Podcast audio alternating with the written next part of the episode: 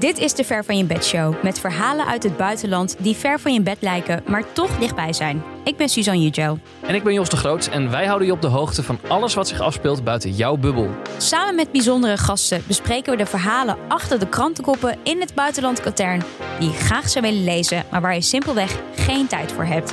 Dat doen wij voor je. We duiken in boeken en tijdschriften en kijken naar films en series over gebeurtenissen die onze wereld vormen. Want er is nogal wat gaande: oorlogen, inflatie, extreme hittegolven en de onophoudelijke strijd tussen grootmachten als China, Rusland en de Verenigde Staten. Deze week praten we over de vergeten burgeroorlog in Syrië en de mogelijke militaire operatie van Turkije aan de grens met Syrië. En dat is nu relevanter dan ooit om in de gaten te houden, omdat Turkije een dikke vinger in de pap heeft bij de NAVO. Daarover praten we met onderzoeksjournalist en documentairemaker Sinan Jan. Sinan, welkom. Hallo. Welkom. Hoi. Sinan. Welkom. Jij bent een veteraan programmamaker. Je hebt natuurlijk ongelooflijk veel series gemaakt. eh, prijswinnende series ook. De laatste die je maakte, eh Retour Kalifaat van vorig jaar... eh, waarin je met onder andere eh, ex-IS'ers spreekt... heeft heel veel indruk op me gemaakt. Die heeft een tegel gewonnen. Gefeliciteerd nog daarmee. Ja, de tegel voor de mensen die het niet kennen... dat is de belangrijkste journalistieke prijs in Nederland.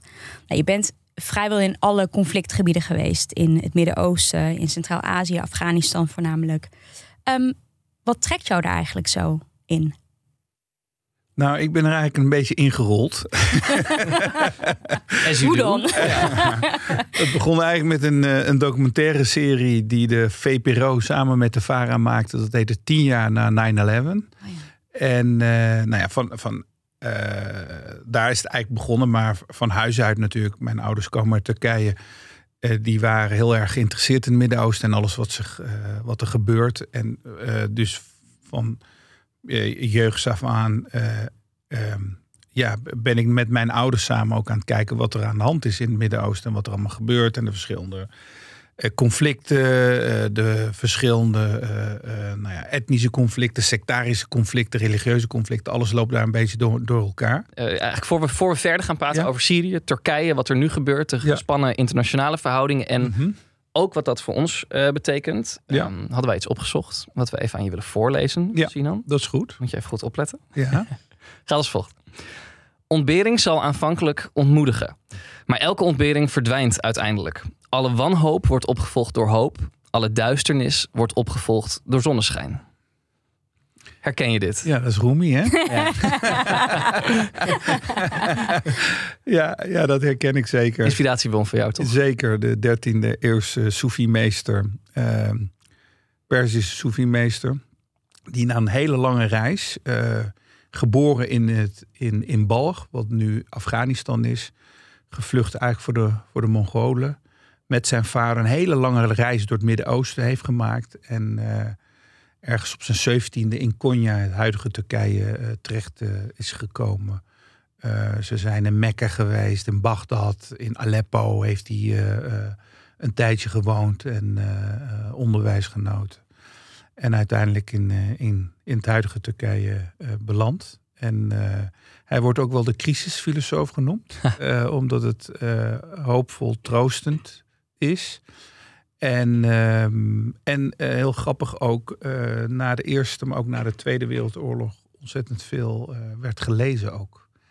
Ook als een soort ja, crisis hoopvolle uh, filosoof. Is hij dan juist nu ook weer heel erg relevant? Omdat we ook Ja. in tijden van crisis leven? Ja, zeker. Hij is zeker relevant. En dat zie je ook terug in bijvoorbeeld dat zijn uh, de gedichtenbundel die Deepak Chopra heeft vertaald van Rumi. Mhm. En nog steeds een van de best uh, verkochte gedichtenbundels in, in Amerika uh, is.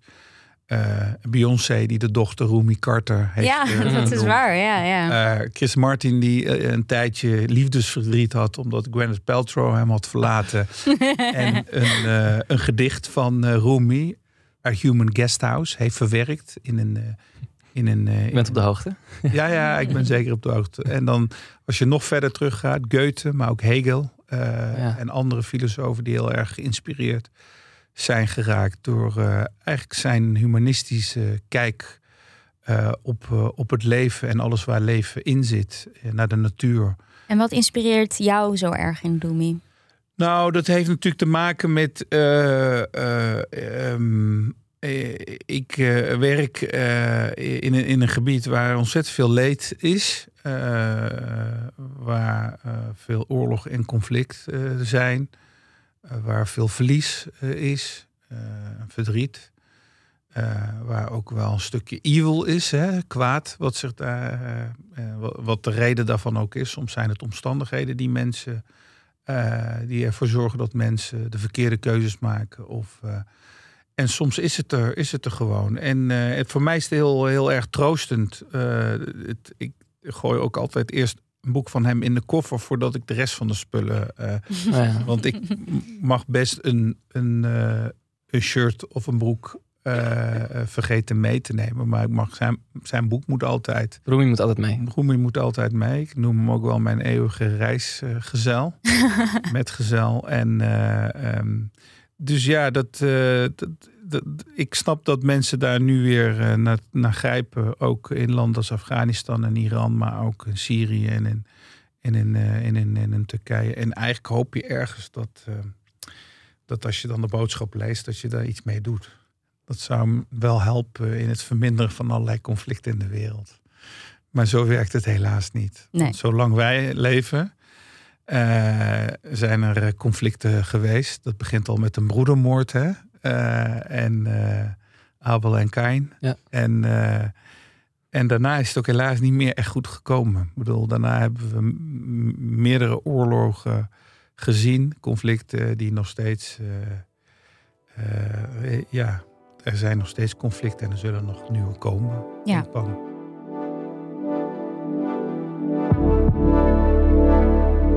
Suzanne, eh, we bespreken vandaag een eh, belangrijk onderwerp eh, waar we graag aandacht aan willen besteden. We hebben het er ook al veel met elkaar over gehad. Ja. Dat is namelijk de burgeroorlog in Syrië.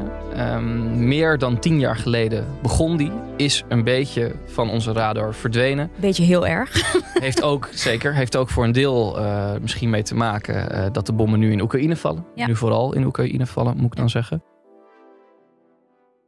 Maar wat niet iedereen weet, is dat dat conflict ten grondslag ligt aan heel veel geopolitieke spanningen van vandaag de dag. En daarom moeten we het erover hebben, toch? Ja, want eh, Turkije die wil al bijvoorbeeld heel erg lang een militaire operatie uitvoeren in het noorden van Syrië. Dat eh, grenst aan Turkije. Ze willen een soort bufferzone creëren en dat doen ze met twee redenen eigenlijk. Eén is dat ze Syrische vluchtelingen eh, in eigen land, dat zijn er bijna 4 miljoen. En eh, hoe- ja, zorgt voor heel veel onrust, ook onder de Turk zelf. Ehm, die willen ze graag terugsturen om wat meer rust in het land te creëren. En het tweede, en misschien wel het belangrijkste is, is dat ze de Koerden in het noorden, ehm, ja, die willen ze wat verder van de grens duwen. Hè? Want in het zuidoosten van Ja. Turkije, daar wonen veel Koerden. En het laatste wat de Turken willen, Zij zien hen als, in eigen land. zij zien hen als bedreiging. Zij zien hen als bedreiging. Eh, nou, ik luisterde naar een podcast van de BBC uit 2019 die hierover ging. En ehm, ze hadden een samenvatting van die aflevering, die een half uur duurde ongeveer. En eh, toen zei de presentator: What happens in Syria never stays in Syria. Sinan Toen Chan dacht ik, lacht. zo, dat vond ik wel een goede samenvatting. Sinan, ben je het daarmee eens? Ja, dat, eh, dat klopt. En, eh, en ook wat, wat je net beschreef eigenlijk. Ehm, eh, kijk, on- onrust in een land komt altijd als het economisch niet goed gaat. Dan ga je toch altijd op zoek naar een zwarte schaap. En, eh, eh, of een witte schaap kan ook.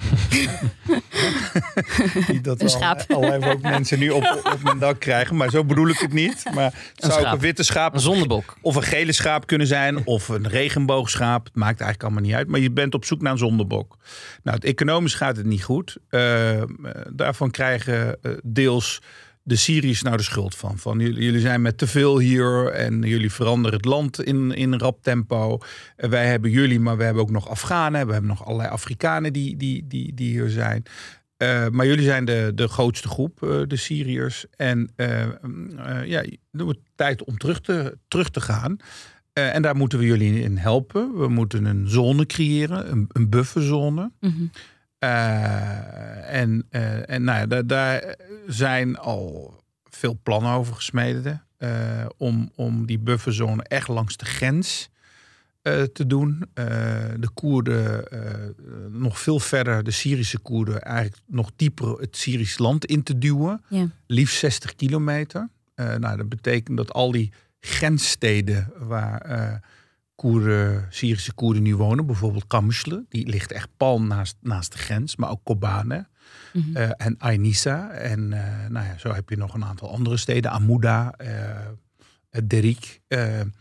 dat je eigenlijk zegt van nou, jullie moeten eigenlijk de, jullie steden verlaten en wat zuidelijker gaan. En in de steden die jullie verlaten, daar gaan we de, de Syrische vluchtelingen die in Turkije wonen, die gaan we daar eigenlijk hervestigen. Ja. Ehm, en eh, daar zitten twee gedachten achter. Aan de ene kant dus eh, eh, eigenlijk de Syriërs eh, eh, eh, daar in een bufferzone brengen. Een, een grens creëren met ze. Dus echt een zone creëren. Ja.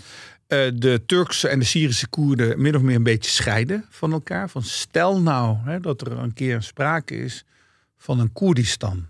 Hè, en dat de Turkse Koerden misschien daar ook in meegaan. En je hebt de Iraakse Koerden en je hebt de Iraanse Koerden. Hè, dat het misschien straks zich concentreert. En, en, eh, eh, en dat ze misschien wel aanspraak gaan maken eh, op, op het gebied.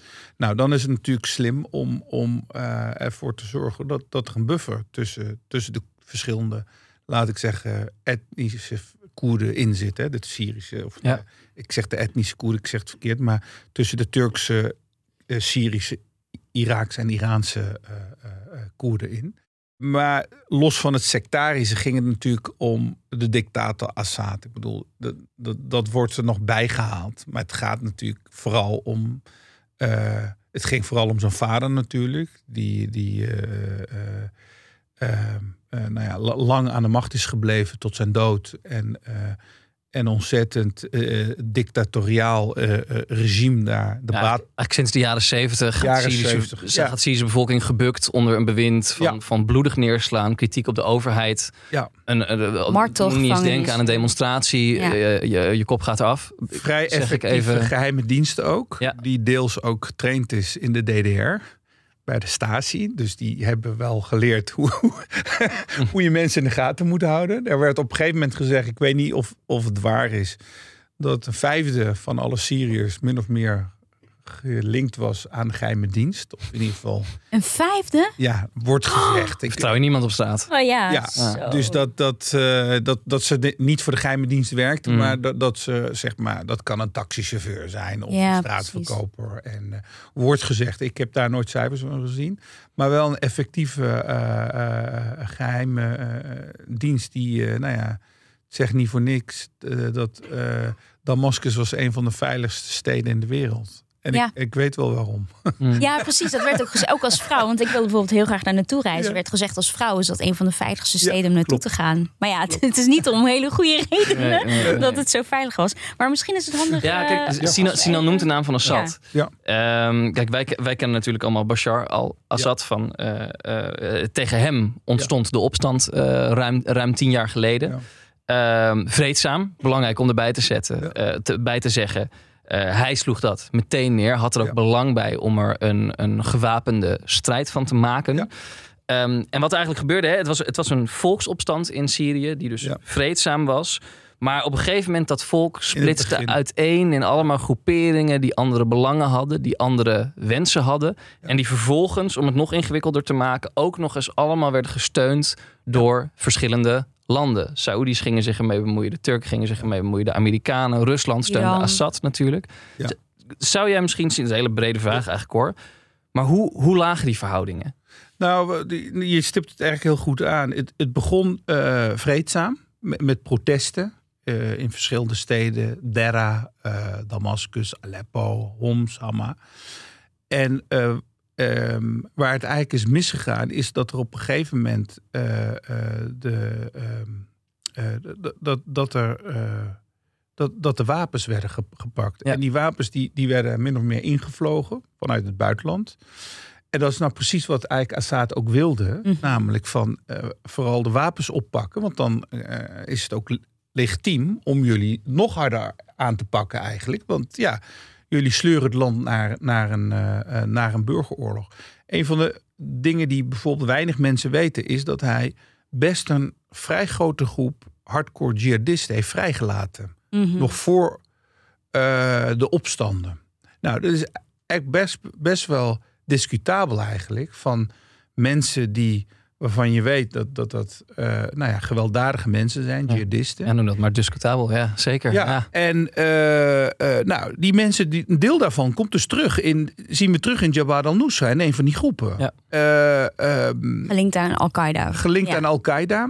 En eh, nou ja, voor hem natuurlijk helemaal legitiem om te zien, laten zien, ook naar het westen toe, steun je deze terroristen of sta je aan mijn kant? Ja. Eh, eh, wat, wat ga je kiezen? Ja.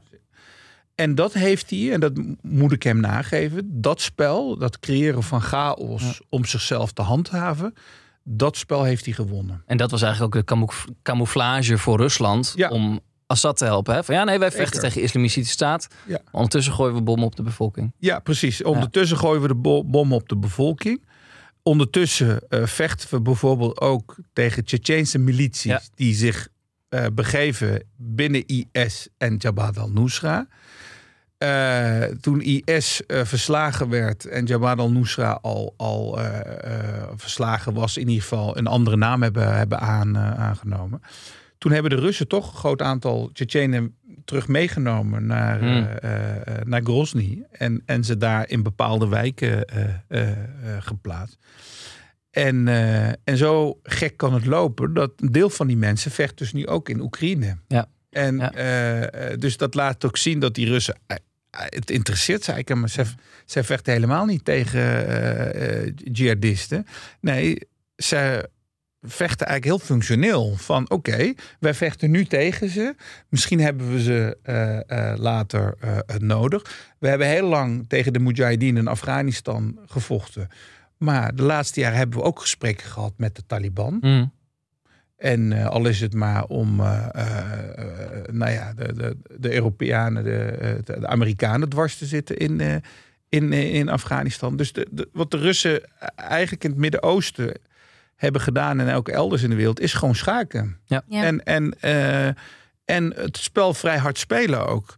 Vandaag ben je mijn vijand als Tsjetsjen, maar morgen kan ik je misschien inzetten in de Oekraïne. Ja. En dan is jouw jihadistische, islamitische, oerconservatieve achtergrond is geen probleem. Doet er even niet toe. Wordt doet hij er wordt even niet echt toe. zo cynisch van. Hè? Hoe, Ja. hoe diep je erin zou... Dat is een conclusie die daar wij merk vaker ik- trekken in deze Ja, eh, precies. podcast. Ernst, eh, is Ja. geen, goede conclusie Nee. eigenlijk. Ja. Maar eh, even terug te komen op eh, Syrië. eh, Sinan, jij bent eh, daar afgelopen november voor het laatst geweest. Ja. Hè? Want jij maakt nu een nieuwe serie. Eh, je, je volgt de eh Eufraat. Ja. Eh, eigenlijk de belangrijkste rivier in het eh, ja, Midden-Oosten, Ja. mag ik wel zeggen. Ja, zeker. En jij bent dus aan die Syrische grens en in Turkije geweest en aan die Syrische kant. Wat is nou het verschil tussen die twee? Wat, wat, wat hoorde je aan Syrische kant, wat hoorde je aan Turkse kant? Nou ja, groot verschil natuurlijk. Aan, aan de Turkse kant, dan, dan, dan reis je eigenlijk in het zuiden van Turkije eh, langs steden als Mardin, Urfa, Gaziantep. Eh, nou, dat, zijn grote, grote steden. eh, de, tussen de 1 en 2 miljoen mensen die daar wonen. Eh, vrij levendig. Eh, ja, er zijn wat economische problemen. Maar het is er wel levendig. En, en er wordt gefeest en gegeten en gedronken. En dan zie je eigenlijk, de, je ziet de grens al. Je ziet bijvoorbeeld Kamusle liggen. Als je in Nusaybin bent, dan zie je Kamusle, de stad in Noord-Syrië, liggen. En daar is totaal andere sfeer. Namelijk weinig voedsel, weinig medicijnen. eh, de infrastructuur die, die, die, die stuk is. Mensen die in spanning wachten of de Turken wel of niet gaan, gaan aanvallen. Worden we dan nog geholpen door de Amerikanen of worden we niet geholpen door de Amerikanen? Ja. Eh, want de Koerden voelen zich natuurlijk ook deels verraden. Ze zeggen, wij hebben tegen IS gevochten. En Europa, maar ook de Amerikanen hebben ons achtergelaten.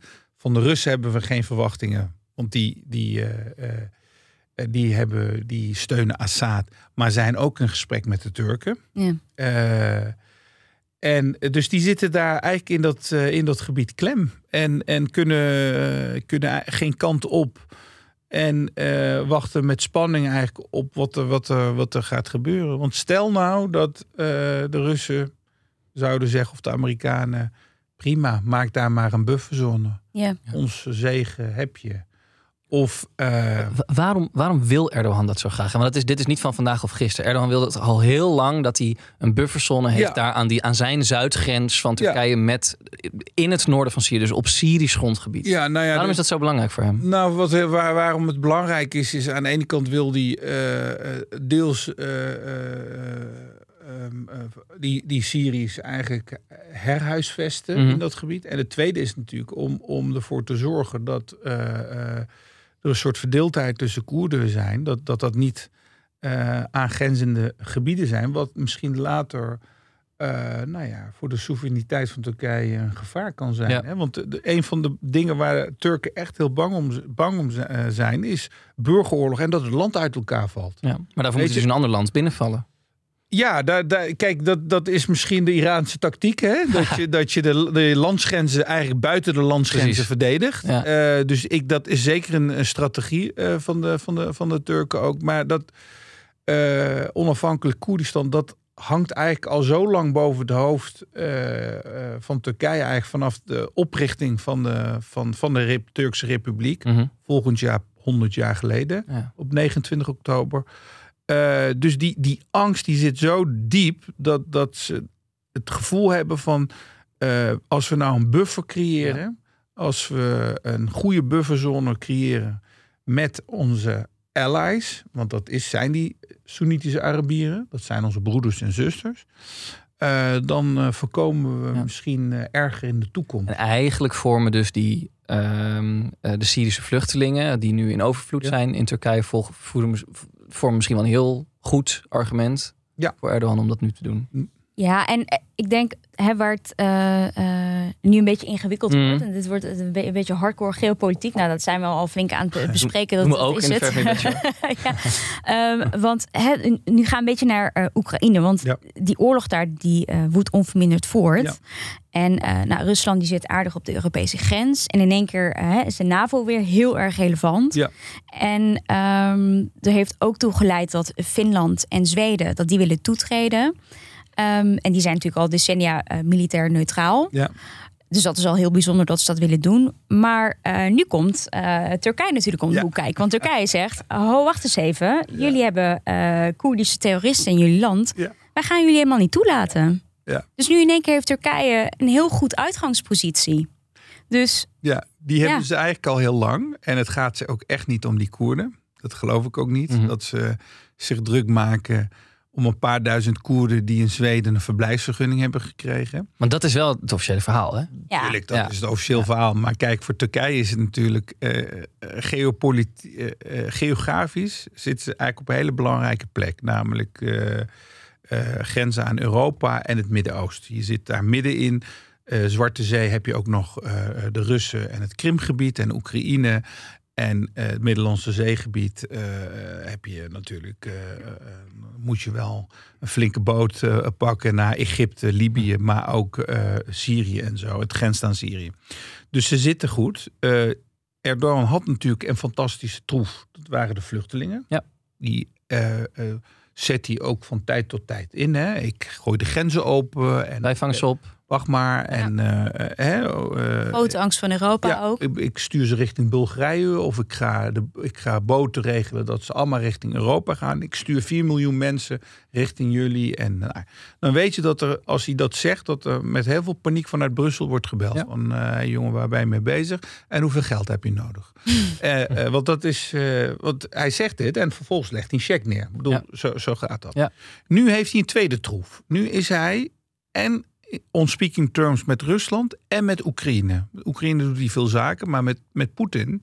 eh, die eh, eh, relatie was bekoeld omdat er een straaljager door de Turken was neergehaald, Russische straaljager. Maar ook de Russische ambassadeur was vermoord in, in, in, in Ankara. Dus die, dat was echt bekoeld en niet goed. En nou ja, de- die, die heeft weer een opleving gehad. Hij weet nu, als tweede grootste leger binnen de NAVO, want dat zijn de Turken. De grootste leger is de Rus- Amerikanen natuurlijk en de Turken eh, eh, als tweede leger. eh, min of meer eigenlijk beloond voor dat ze meededen aan de oorlog in, in, in Korea. Hè? Mhm. Ehm, Ja. ja. dat was eigenlijk het cadeau van oké, kom maar, jullie zijn ook de, de founding member, wordt een founding member van de, van, van de, van de NAVO. Nou ja, hij En zit hij- super tactisch natuurlijk. Ja, op- op en een hij heeft nu- toppositie. Ja, hij kan nu gewoon eh, een, een, een, een veto eh, voor eh, Zweden en Finland. Hij moet natuurlijk ook goed oppassen voor de balans met Rusland. Ja. Want die wil hij wel te vriend houden. Want stel nou dat je de Koerden in Syrië aanvalt, is het toch fijn als die Russen daarmee eens zijn. Mhm. Ja. Eh, want als die Russen er niet mee eens zijn, Amerikanen zijn het er niet helemaal mee eens, ja, dan Wordt kan het best lastig worden daar eh, om eh, de Koerden aan te vallen. Dus een van die twee grote machten, want dat zijn, dat blijven ze, eh, even China eh, niet meegerekend, die, moet je, die moet je mee hebben. Ehm, hij kan dit nu heel lang treiteren. Ja. Hij kan ook zeggen prima, maar dan heb ik een aantal voorwaarden. Ja. Oftewel, ik leg een cheque neer bij je. Want het gaat economisch ontzettend slecht in Turkije. De inflatie is gigantisch. De Turkse lira is gekelderd van hier tot ginder. En hij weet eigenlijk niet hoe hij de losse eindjes bij elkaar moet, eh, eh, aan elkaar moet knopen. Dus hij moet dit maximaal. eh, Als ik jou zo hoor, hij heeft dus ook. Je zegt hij wil Poetin te vriend houden. Nou ja, als hij op dit moment de troefkaart in handen heeft om Zweden en Finland buiten de NAVO te houden. Nou ja, dan, dan, dan kan misschien economisch slecht gaan in zijn, hand, maar, in zijn land. Maar dan heeft hij, een, eh, heeft hij toch een aardige positie te pakken. ja, dat zou misschien best kunnen zijn dat de Russen dan zeggen: eh, ons zegen heb je. Hmm. Ga maar voor die bufferzone. Ja. Want wij zitten Precies. daar namelijk ook. Ja. De Ru- Russen zitten ook in grensgebied. Ze zitten bijvoorbeeld in Ma- Manbij. Ja. eh, waar ze, waar ze zitten met, samen met de Koerden. Zij kunnen best zeggen, zoals de Russen dat al eerder hebben gedaan in het gebied Afrin, in het noorden van Syrië. We trekken ons terug. Mm, Laat, kom maar. ja. En dat hebben ze gedaan in Afrin. Ze hebben zich teruggetrokken en de Turken hebben het gebied ingenomen. Dat is, dat is wat daar is gebeurd in het eh, noordwesten van, eh, van Syrië. Denk, dat jij, zou nu ook jij, kunnen. denk jij dat Turkije zijn zin gaat krijgen? Denk jij dat die bufferzone er gaat komen? Met alle troeven die je hebt uitgelegd, die ze nu, met alle kaarten die ze nu in handen hebben. Ik denk dat de kans best, eh, best groot is. Het ligt een beetje aan hoe eh, meneer Joe Biden zich Mhm. positioneert. Eh, nu weten we dat als het om de Amerikanen in het Midden-Oosten gaat, beginnen met Obama, Trump en Biden, het niet heel veel voorstelt. De Russen weten dat ook. Eh, eh, Heel, Amerika- een terugtrekkende beweging. ja, Amerika is min of meer weg eigenlijk in het Midden-Oosten. Er is geen invloed daar. Nee. En, en, eh, nou ja, en Afghanistan weten we ook. Ook hoe ze zich hebben teruggetrokken. Ja. Wat voor slapstick dat werd. Hè? Dat je eigenlijk aan de Taliban vraagt, wat trek ons terug, maar zorg voor onze veiligheid. ja, we moeten er niet om lachen, maar Ja, het, is best wel, grappig. het is best Ja, wel het triest gewoon. triest. En, eh, en, en dat geldt natuurlijk ook in... Weet je, met Obama ook van over die red line met, met Mm. Assad. Nou ja, Assad is wel 100 red lines overgegaan, Ja. maar er is niks gebeurd. Nou, zit nog redelijk comfortabel. ja, en Trump eh, was natuurlijk ook, ook geen partij voor de Russen. Eh, en, en Biden, ja, die, die heeft natuurlijk nu geen goede beurt gemaakt met, eh, met Afghanistan. Maar ook verder hebben ze niet zoveel in, in de melk te brokkelen. Dus de, de- het enige wat de Koerden nu no- nog een klein beetje bescherming geeft, zijn de Amerikanen. Eh, Een m- dun draadje. nou ja, de Turken kunnen nu gaan de, de, de troeven uit gaan spelen. Ja. Ze kunnen tegen Rusland zeggen: luister, wij gaan er gewoon voor liggen. Zweden en Finland gaan er niet, gewoon niet in komen. Mm. En wat er ook nu gebeurt, is dat het Russisch geld allemaal richting Turkije komt nu. Hè, omdat er allemaal embargo's zijn en Mm. op. Dus allemaal rijke zaken. Mensen als Abramovic, de eigenaar van Ja. Chelsea, zit ook in de, eh, of de oude eigenaar moet ik zeggen, Ja. want het is verkocht.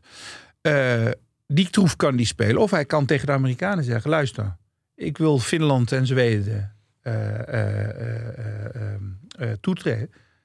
Maar dan ga jij, dan sluit je de paraplu voor de Koerden. Ja. Ja. En dan ga je, ga je me niet tegenwerken als ik een zone creëer. Dus hij kan twee kanten op. Hij, hij kan eigenlijk kiezen nu. Ja. En, en ik denk dat hij gaat kiezen voor wat, wat hem het beste uitkomt. En als, als, als het. Eigenlijk even heel, heel klein maken. Ehm, dit, is, dit is hoog ge- Ja. geopolitiek spel. Ja. Stel iemand luistert hier naar, zit in de intercity van eh, Nijmegen naar Amsterdam. Zou ik maar zeggen? Ja, wel bekend. Ja, Eh, en die denkt, ja, wat, wat, heeft dit, wat heeft dit met mij te maken? Wat, wat, eh, wat, wat voor antwoord zou jij daarop formuleren? nou ja, wat, wat het, het, het- Jullie show heet natuurlijk ook Ver van Bed Show. Maar ver van, wilde het niet zeggen. ver van mijn bed kan ook heel dichtbij komen. Ja. En, eh, nou ja, en wij hebben natuurlijk nu ook gezien hoe, hoe het met Oekraïne, hoe, hoe dichtbij dat is gekomen. Hè. Oekraïne ligt niet heel ver weg. Ook met de Arabische lente hebben we gezien dat het ook niet ver weg is. Dat zijn eigenlijk min of meer onze zuidelijke grenzen, hè? Mm. Eh, Noord-Afrika. Ja. En eh, nou, we hebben ook gezien dat, dat wat zich daar heeft ontwikkeld in Irak en Syrië als het gaat om IS, dat wij daar ook direct last van hebben gehad. Hè? Mhm. Neem Bataclan, neem al die aanslagen van de afgelopen vijf jaar.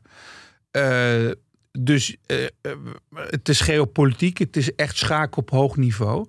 Maar het heeft ook effect op ons en op onze veiligheid, eh, op de betrouwbaarheid en geloofwaardigheid van de NAVO. Is dat een tandeloze tijger of, of stelt het echt Mm. iets, eh, iets voor? En eh, dus het heeft eh, op allerlei manieren eh, sociaal-economisch eff- effect op ons. En op de veiligheid in de, in, in de wereld. Ik bedoel, 9-11 hè, is 20 jaar geleden. Mm. Er waren heel veel mensen die zeiden... Ja, het heeft, had helemaal niet zoveel effect op ons leven. Het had wel heel veel effect op ons leven. Zo Het had ontzettend veel Zoveel effect, op Ja. ons leven... dat na 9-11 er in Nederland meer dan 400 incidenten zijn geweest... eh, tegen moslims. Of dat nu een, een varkenskop was die ze hebben neergelaten bij een moskee. Maar ook bijvoorbeeld in een, op een luchthaven. Dat je niet meer een, een fles water kon meenemen. Of al die privacy of terrorismewetgevingen in de wereld die, die, die, die veranderd zijn. Dus het heeft ontzettend veel effect gehad. En ja, dat was een, een actie van een, een Saudische meneer die dat eh, in Amerika heeft gedaan. Maar de effect op ons was heel groot. Vervolgens is er oorlog ontstaan, Irak, eh, eh, Afghanistan. Nou, Irak, dat is een oorlog waar wij ook in zaten als Ja. Nederland. Samen met Denemarken, Engeland en, en Afghanistan. Hebben wij natuurlijk ook meegedaan aan die tussen haakjes wederopbouw eh, eh, eh, eh, missie. waar weinig van terecht is gekomen. Dus het, alles heeft natuurlijk effect op Ja. elkaar. Alles is in die zin in this global village zo connect aan elkaar. Dat je niet meer kan zeggen van nou ja, dat in Afghanistan of in Oekraïne interesseert me niet. Ik heb daar toch geen last van. Ja, je hebt daar last van, want je moet eh, 2,50 euro betalen aan de, aan de pomp. eh, en- bom olie meer te verkrijgen. ja, Maar, maar, ook, maar ook qua veiligheid, weet je wel. Ik bedoel, eh, je ziet gewoon hoe dingen effect hebben op, op, op, op elkaar. Je, je ziet, wij weten toch ook met de MH17. Ik bedoel, daar, we hadden toch helemaal niks te maken met dat conflict. Het is gewoon een, pa- een passagiersvliegtuig met heel veel landgenoten van ons. Die gewoon neer wordt geknald bo- boven de lucht in, eh, in, in de Oekraïne. Ja. En, en, eh, eh, dus het heeft allemaal eh, effect op ons. En we moeten dat allemaal goed in de gaten houden. En ik hoop ook dat er leiders zijn die, die dit, deze crisis, want het is best een grote crisis in de wereld, eh, dat ze die goed, goed leiden. Want ja, het is toch wel weer fascinerend dat er toch wel weer- weer in de geschiedenis weer in zo'n golfbeweging weer toch allerlei bepaalde leiders toch weer zo opduiken. Ja. Ja. Het heeft iets van de jaren twintig bijna. Mm. Het is heel erg om dit eng. die vergelijking te Ja, maken. Ja. Maar eh, eh, weinig, eh, nou ja, vooral veel gekkies aan de macht. Mm. En daar maak ik me wel, wel heel zorgen om. Ik en daar moet die meneer in de trein zich ook zorgen om. maken. Dus als je Bij luistert. deze. Als je luistert, stap nu uit. Wat leuks doen. Ga op de grond liggen. Ja, ga wat leuks doen. Nou, laten we langzaam richting eh, afronding gaan. Eh, we vragen onze gasten eigenlijk altijd om een tip mee te geven. Ehm, heb jij nog een tip voor onze luisteraar? Iets wat, lezen, eh, ja, luisteren, kijken, I- Tot je nemen. Mm. En dat mag alles zijn, toch? Ja, al, al dan niet over dit onderwerp. Het kan ook precies. Maar mag het ook over iets anders zijn? Mag zeker. Als je denkt van, nou, na deze uitzending kan je wel wat vrolijks gebruiken. Nou, ik Mag ook. keek dus gisteren naar een film, The French Dispatch, Mhm. van Wes Anderson. Oh, En dat is echt zo'n leuke film. Waar je gewoon ook heel blij van wordt. Met Bill, Bill Murray en Benicio del Toro. Ja. En, eh, en het was echt heel, heel verrassend. Ik, had- ik eh, had helemaal geen zin om naar een film te kijken. Maar eh, ik lag op de bank en met één oog zat ik zo te kijken. Ik dacht, wat een leuke film is dit. oh heerlijk. Dus The French Dispatch. Wat een heerlijke tip. Ja, vind ik eigenlijk ook wel. Ik heb dus ook nog een tip die ik Oh. gra- graag wil, wil geven. Alleen die is helemaal niet leuk. Ja. Ehm, eh, moet altijd roet in het eten gooien. ja, sorry, we, we zaten nu heel erg high energy af te ronden, maar we gaan het, gaan, gaan het Oké, is goed. Nou, kom maar helemaal door. de play spoelen. Nee, nou ja, eh, eh, met als reden, kijk, we zaten de- deze uitzending natuurlijk voor te bereiden. We hebben het veel over Syrië gehad. Eh Sinan, je, je kent hem sowieso, maar de, de beste film, documentaire die volgens mij over dat conflict eh, is gemaakt, heet For Sama. Ja, prachtig. Ehm, ik heb laatst nog weer, weer een stuk zitten kijken. Eh, respect als je het in één keer uitzit, want het is Ja. echt heel erg Ik zat in de bioscoop om te kijken. Ik Ja. moest hem Ja. uitzetten. Ik heb echt um, ook Ja. helemaal nat. Ja. Ja. Gaat, ga- ja, het gaat over een vrouw eh, ehm, die eigenlijk een, een document wil achterlaten voor haar baby. Want die wordt geboren midden in die oorlog. Zij vlucht niet samen met haar man, want hij is arts. En zij vinden onze taak is, wij moeten blijven. Want wij moeten zorgen voor de gewonden die, eh, die er vallen. Ehm, en zij heeft dat allemaal met een camera. Eigenlijk waren alle journalisten al weg, want het was allemaal levensgevaarlijk. En zij heeft alles met een cameraatje in haar hand. Heeft zij 500 uur materiaal geschoten. Eh, en dat is echt de oorlog recht Ja. in de ogen kijken. Eh, dus nee, het is niet iets waar je vrolijk van wordt. Het is wel iets, eh, als je iets beter wil begrijpen, ook wat er vandaag dus op het wereldtoneel gebeurt. Ja. Kijk dat nog eens. Ja, wil ik en- maar en, je, en je snapt dan ook. Ik had eigenlijk toen ik aan het kijken was, ik dacht, je bent eigenlijk gestoord als je niet vlucht. Ja. Ja, Dat ja is op, opeens, op, op, opeens snap je vluchtelingen, Ja. om maar zo te zeggen. Precies. Ik heb hem niet afgekeken. Nee, Nee, maar dat begrijp ik na een kwartier ben ik eh, weggegaan. Ja. Begrijp ik. Allemaal te, Het is echt intens. voor mij eh, was het ook heel herkenbaar, de plekken. En Ja. eh, ehm, het is heel intens, maar het is wel de beste docu eh, over de Syrische burger. En je moet hem toch gezien hebben, vind ik. Klopt. En eh, ehm, ja, het is een, een- niet een hele vrolijke tip, maar wel Nee. een waarvan ik denk van ah, als je iets over het conflict wil begrijpen, als je iets over Ja. oorlog, over mensheid, over medemenselijkheid wil begrijpen. ja, het gaat ook helemaal niet over de politiek. Nee. Het gaat echt over wat maken die mensen mee. En Ja. ehm, nou, Sterk. Dat jij nog een hebbende. Ik heb geen tip meegenomen. Vandaag niet? Vandaag niet. Volgende keer weer. Nou, dan eh, richt ik me weer tot eh, de luisteraar. Yes. Ehm, heb jij een prangende vraag? Laat het ons weten. We hebben eh, hele leuke reacties voorbij zien komen. Zeker. Blijf dat vooral Keep them coming. Keep them coming. Dat kun je doen via Twitter op de R, Ver van je bed show. Of via ons Instagram account. Daar heten we Ver van je bed show podcast. Eh, alle eh, tips voor docu's, boeken en podcasts die je voorbij hebt horen komen, die kun je ook terugvinden in onze show notes. Gaan we ze allemaal nog in plaatsen.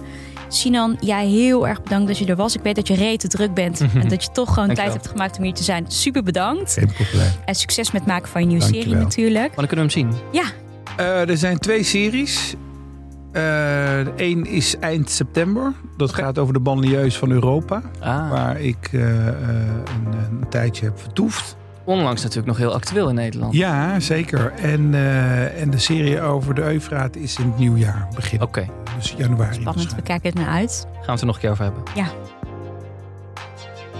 Dit was de Ver van je bed show. Een podcast met verhalen uit het buitenland die ver van je bed lijken, maar toch dichtbij zijn. Volg ons in je favoriete podcast app. De Ver van je bed show is een productie van Dag en Nacht Media. Redactie door Meerte van Munster. Edit door Jeroen Sturing en muziek van Lucas de Gier. Volgende week zijn we er weer. Tot dan.